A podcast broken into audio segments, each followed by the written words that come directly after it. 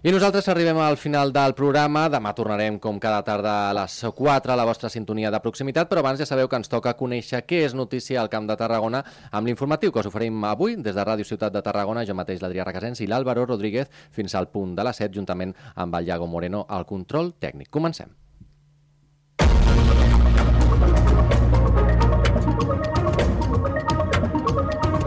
Doncs sí, comencem centrats avui en ferrocarrils, perquè una avaria a les instal·lacions de DIF a Gadà està alterant durant tot aquest dimarts la circulació de trens regionals de Tarragona i l'Ebre. També es veuen afectats els serveis de la línia R2 Sud de Rodalies i els trens de llarga distància cap al País Valencià i Múrcia. I és que, segons s'ha informat Rodalies, els trens de les línies R13, 14, 15, 16 i 17 es desvien pel Penedès per arribar a Barcelona. Renfe no descarta que s'hi puguin produir retards. Pel que fa al servei de Rodalies del R2 Sud, només circula un tren cada 30 minuts en el tram que va des de Sant Vicenç de Calders a l'estació de França passant per Vilanova i la Geltrú. Algunes usuàries expliquen com han viscut els retards que han patit aquest matí. Vaig cap a Barcelona ara i de, dec estar a Barcelona a la, al migdia. Espero estar perquè és important, és important. Ens hem pujat i resulta que no hi cabem. Ens hem bajat i ara porque da un mal fairo estar ahí dentro que para qué. Todo es como latas de sardinas, una lastimita. Que llevamos ya una hora y media de retraso saliendo desde Vilanova. Cada día, cada día la misma historia, cada día. Esto es una vergüenza. Así que ahora que tenemos que votar, a ver qué votamos. L'avaria va produir-se i dilluns a les 9 de la nit a causa d'un incendi en una quadra de senyal Sàgava. Centenars de persones es van quedar tancades entre dues i tres hores a diversos trens de la línia R2 Sud i en alguns regionals que connecten Tarragona i les Terres de l'Ebre amb Barcelona. Tècnics de DIF han estat treballant des d'ahir per determinar les causes i intentar resoldre aquesta incidència. De moment, però, no hi ha cap previsió que quan es podrà restablir la normalitat d'aquest servei. I encara parlem sobre transport ferroviari. Avui hem sabut que una negligència en l'ajust del fre va ser el causant del xoc frontal entre dos trens a Vilaseca al juny del 2022.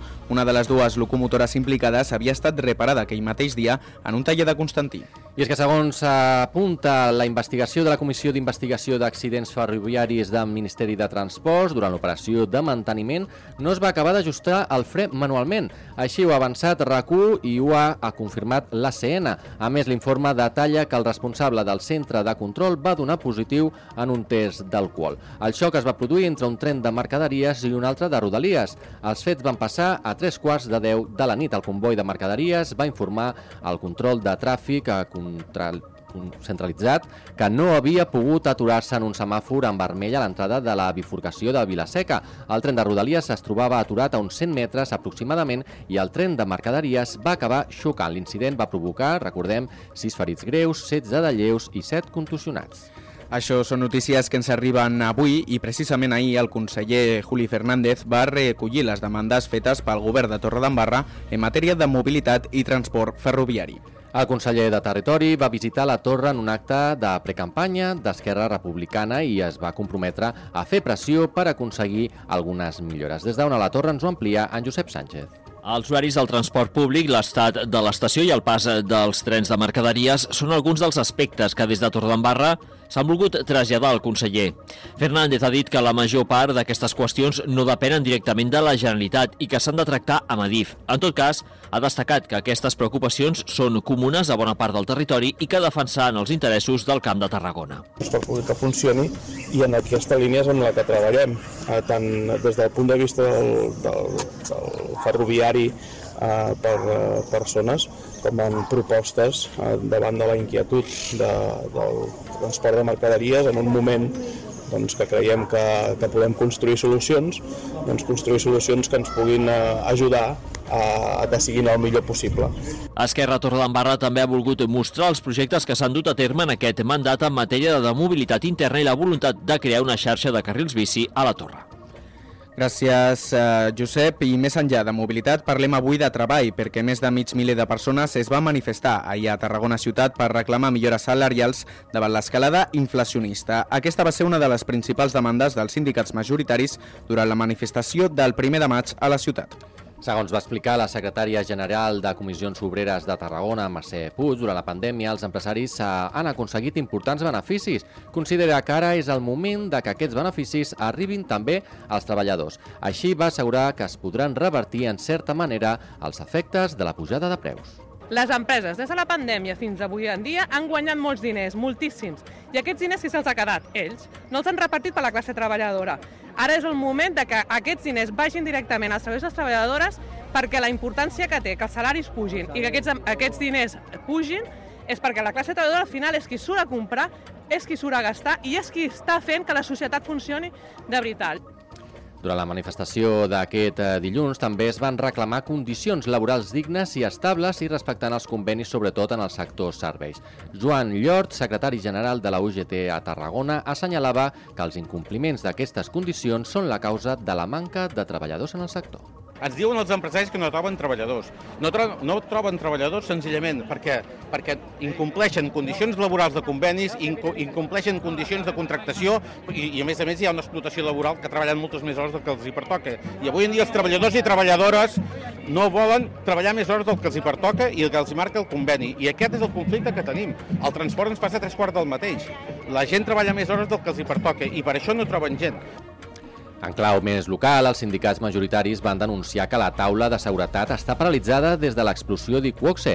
Tant comissions obreres com UGT també van reivindicar que es compleixi la llei d'igualtat. Amb el lema a pujar salaris, reduir preus i repartir beneficis, la marxa es va celebrar al migdia. Va arrencar la plaça Imperial Tàrraco i va acabar davant la seu dels sindicats després de passar pels carrers del centre de la ciutat. Això pel que fa a les reivindicacions generals, ara recollim altres més concretes. Els treballadors de la justícia han tornat a convocar vaga total els dies 4, 9, 10, 11, 16, 17 i 18 de maig, després de les setmanes d'aturades parcials que van començar el passat 17 d'abril. Aquesta mobilització va portar dues reunions, el 21 i el 24 d'abril, que han resultat insatisfactòries pels sindicalistes. Aquestes jornades de vaga vindran també acompanyades de protestes a Tarragona. Es concentraran davant la subdelegació del govern els dies 4, 9, 10 i 11 de maig. David Povil destaca com a les comarques tarragonines s'accentuen la manca d'inversió i les sobrecàrregues de treball. Estàvem reclamant a la patronal que s'asseguin amb els sindicats de treballadors i que eh, es produeixi un, un increment dels salaris, no? acorde amb el que és la inflació i amb, i amb la pujada del nivell de la vida. I això doncs, eh, no es veu traslladat, per exemple, tampoc amb, amb el que serien les reivindicacions dels funcionaris. Povil, el secretari general de Justícia a Tarragona, demana a l'administració que s'ampliïn les mateixes exigències que demanen a la patronal. Recollim dades d'aquest pont. La demarcació de Tarragona ha registrat 15 víctimes mortals en accidents de trànsit durant els quatre primers mesos del 2023. Són xifres similars a les que es van produir l'any passat, quan el nombre de defuncions entre gener i abril va ser de 14. La Tarragonina és la segona demarcació catalana amb més víctimes només per darrere de Barcelona, amb 21. A Lleida n'ha registrat 11, mentre que a Girona se n'han produït 4. En total, a Catalunya han mort en els darrers 4 mesos 51 persones en 42 accidents de trànsit. El Servei Català de Trànsit destaca la reducció de la sinistralitat a l'AP7 en aquest període, amb 3 víctimes mortals davant les 10 de l'any passat. Entre les carreteres amb més morts hi ha 3 de Tarragona, la Nacional 340, la C37 i la TB-3022. Des de Trànsit també s'ha remarcat l'augment de sinistralitat entre els motoristes amb 13 defuncions. Per això els Mossos reforçaran les tasques de control i vigilància d'aquest col·lectiu. 43 de les 51 víctimes eren homes, que també representen el 73% dels ferits greus. A més, la meitat de les morts s'han produït en cap de setmana o vigília de festiu. Aquestes eren les xifres totals, però precisament aquest passat dissabte hem hagut de lamentar la mort d'un ciclista en un atropellament a Cornudella de Montsant. Al Priorat, els fets es van produir cap a dos quarts de cinc de la tarda a la C242. Per causes que s'estan investigant, un turisme va enllestir el ciclista. El conductor del cotxe va fugir del lloc dels fets, però va acabar detingut pels Mossos d'Esquadra. La víctima és un home de 61 anys, resident d'Andorra. Els serveis d'emergències van activar 5 patrulles dels Mossos, una dotació dels bombers i també una ambulància i un helicòpter medicalitzat del sistema d'emergències mèdiques.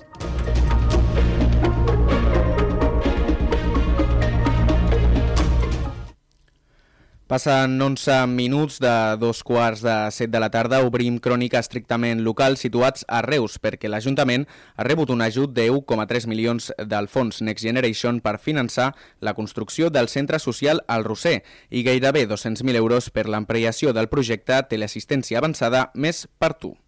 Ubicat a l'antiga presó del municipi, el Centre Social del Roser es va inaugurar al febrer del 2022 amb l'objectiu de donar servei d'alimentació i allotjament temporal a les persones en situació de vulnerabilitat. Aquesta subvenció preveu finançar totes les obres fetes en aquest edifici a partir del febrer del 2020. L'altre ajut recau en el servei de teleassistència avançada Més per tu, que dona acompanyament a persones en situació de risc per factors d'edat. Aquesta eina treballa les 24 hores al dia, als 365 dies de l'any, mitjançant un terminal personal connectat a un centre d'atenció. L'ajut dona a gairebé 60.000 euros 3 anys d'exercici fins al 2025. D'aquesta manera, l'ajut permetrà l'ampliació a 100 terminals més l'any.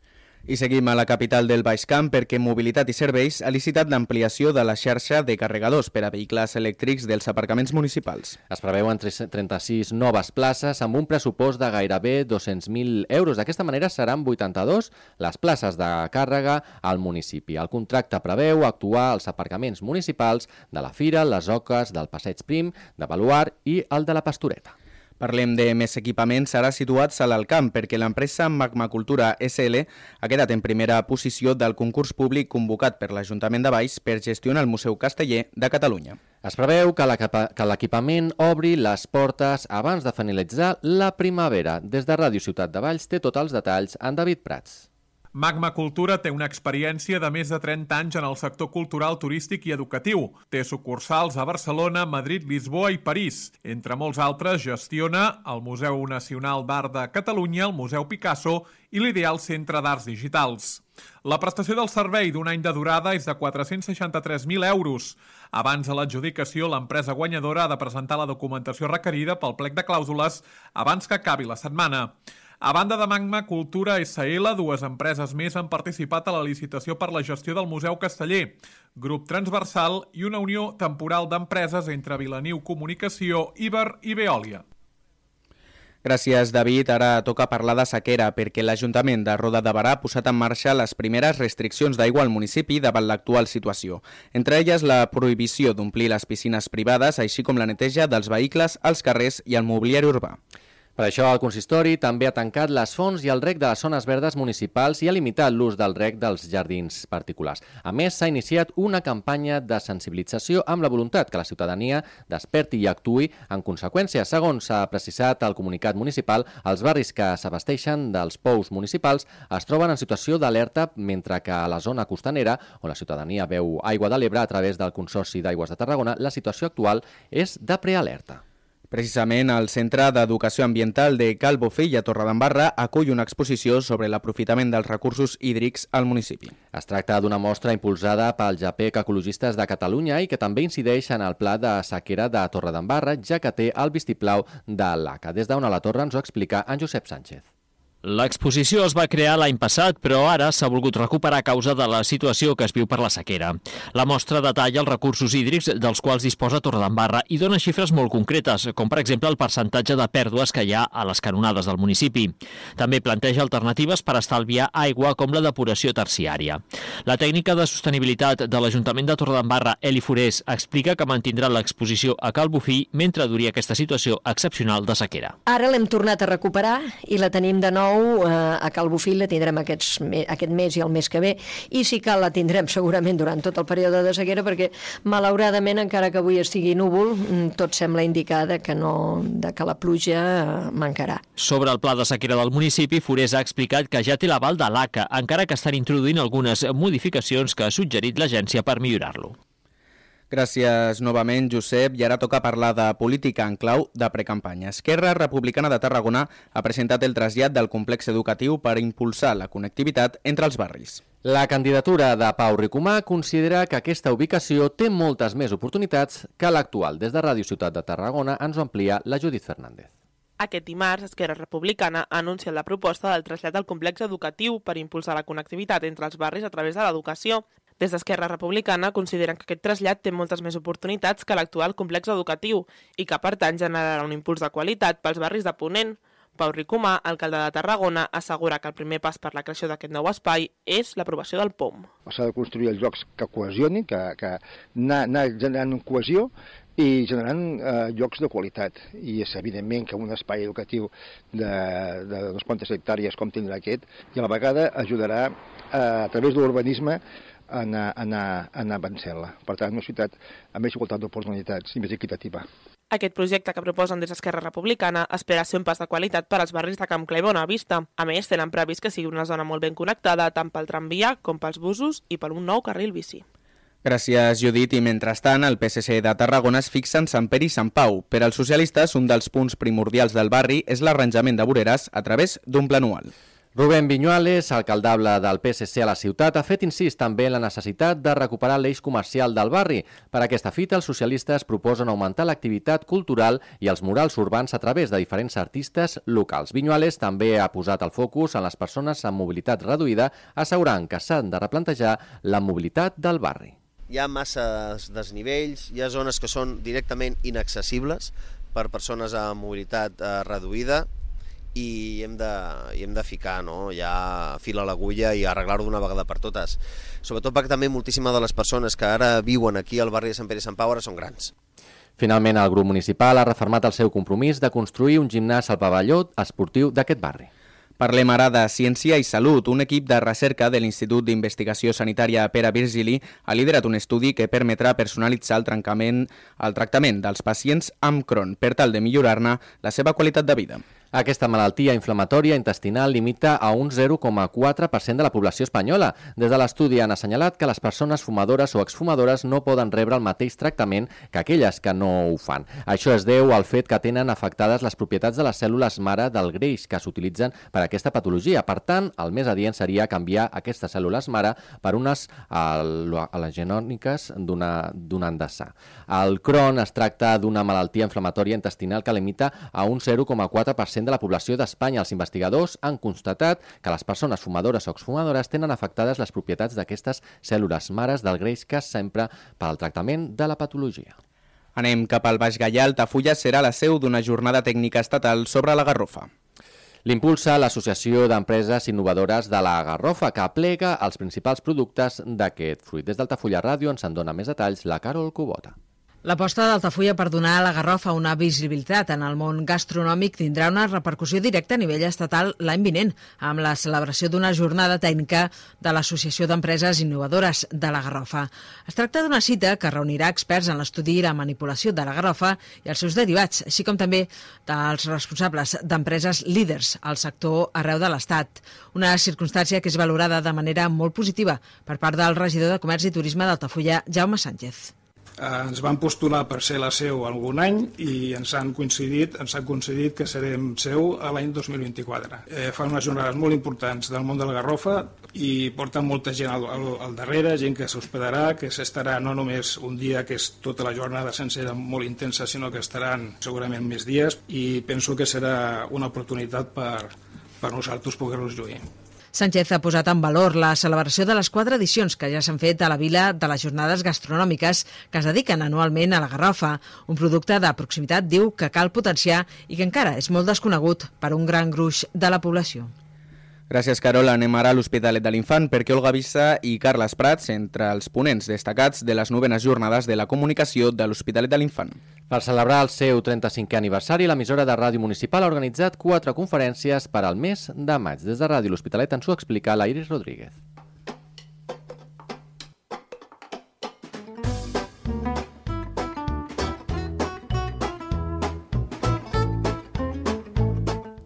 En el podcast d'avui marxem cap a Reus, la ciutat del vermut.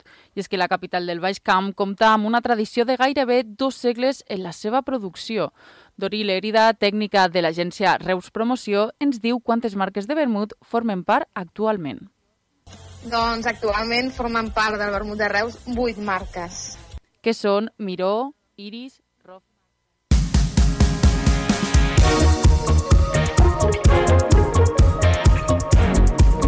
Disculpeu, no era l'àudio que volíem escoltar. En tot cas, ara passem als esports, destacant que el Nàstic va caure derrotat aquest diumenge al nou estadi contra el Real Unión de Irún i veu com es complica la seva situació a la Lliga.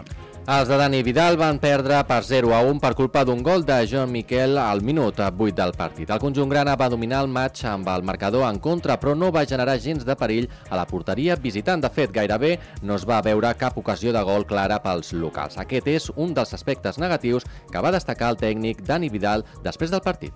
Hemos hecho 20 acciones de centro lateral, 18 corners, 9 tiros frontales en situaciones francas.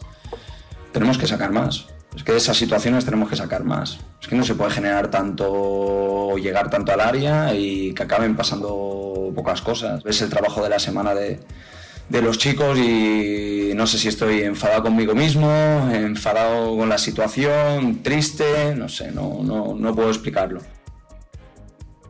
Ara el Nàstic té 43 punts es queda amb 3 de marge sobre el descens quan queden 4 jornades per acabar la Lliga. Aquest diumenge visitaran les Gaunes per jugar contra la Unió Deportiva Logroñés, que és el tercer per la cua. I uns s'apropen al descens i altres que s'apropen a l'ascens. I és que en bàsquet, el Club Bàsquet Tarragona ja coneix on es disputarà la fase d'ascens a l'Eplata. El conjunt dirigit per Berni Álvarez viatjarà a Llucmajor els dies de l'11 al 14 de maig. Ens ho amplia des de Ràdio Ciutat de Tarragona el Jonai González. Llucmajor serà la seu dels enfrontaments del Club Bàsquet Tarragona per la fase d'ascens a l'Ale Plata. El municipi mallorquí ha estat l'escollit per resoldre 3 dels 6 ascensos disponibles a la tercera categoria del bàsquet estatal. Els tarragonins saben amb aquesta designació dues coses fonamentals. La primera, que eviten l'anfitrió almenys fins al diumenge en una hipotètica final entre segons classificats. La segona, que els seus horaris seran matinals, és a dir, els partits del conjunt cebetista podrien ser a dos quarts d'onze del matí o cap a la una del migdia, com en altres temporades. Els blaus tindrien els primers horaris i podrien gaudir de la tarda per descansar i preparar els partits de la següent jornada. A més, en una hipotètica final entre segons classificats, els de Berni i Álvarez tindrien unes hores més de descans. El CBT espera confirmar horaris i rivals per les tres jornades de la fase de grups entre el Socuellamos, el Logro Bàsquet i el Colegio El Pinar. En cas de ser segons, els blaus s'enfrontarien a l'anfitrió, el Palmer Bàsquet Mallorca, l'Alcobendas, el Gandia o el Peixe Galego. Gràcies, Jonai. I una última crònica d'esports. En hoquei sobre patins, victòria per 5 a 3 al Reus Deportiu Virgínies de Ballarells damunt en el seu darrer partit de Lliga. Amb aquest resultat, els roig i negres tanquen la fase regular en quarta posició i es batran al Noia d'aquí 15 dies en el play-off. Informa Aleix Pérez des de la nova ràdio de Reus. El Reus Deportiu Virgínies havia de fer els deures en l'última jornada al Palau d'Esports davant l'Arenys de Munt i així ha sigut imposant-se per 5 a 3. Els lots i negres han dominat l'inici amb dues dianes d'Aragonès i una de Gelmà. Malgrat un parcial de 3 a 0, els visitants s'han enganxat al partit a l'inici de la segona part, posant l'empat a 3. En els 10 minuts finals, Marc Julià ha donat la quarta posició amb un doblet espectacular. Jordi Garcia, entrenador de Reus, destaca la reacció reusenca en una temporada històrica per Reus Deportiu, ja que ha fet el rècord de notació en temporada regular que, bueno, pues que comencéssim molt bé el partit, hem jugat una molt bona primera part, llàstima els últims 10 segons, que ens han fet un gol que ens ha fet mal. Al principi de la segona part encara hem tornat, hem sortit estabornits i faltant 10 minuts doncs, anàvem 3-3, però l'equip ha sapigut patir i ha tirat de, ha tirat d'ofici, de caràcter i de ganes de guanyar i, i ens hem emportat 3 punts importantíssims. Iniciaran la fase final amb el Noia, al millor de 3, encara que amb el factor pista a favor.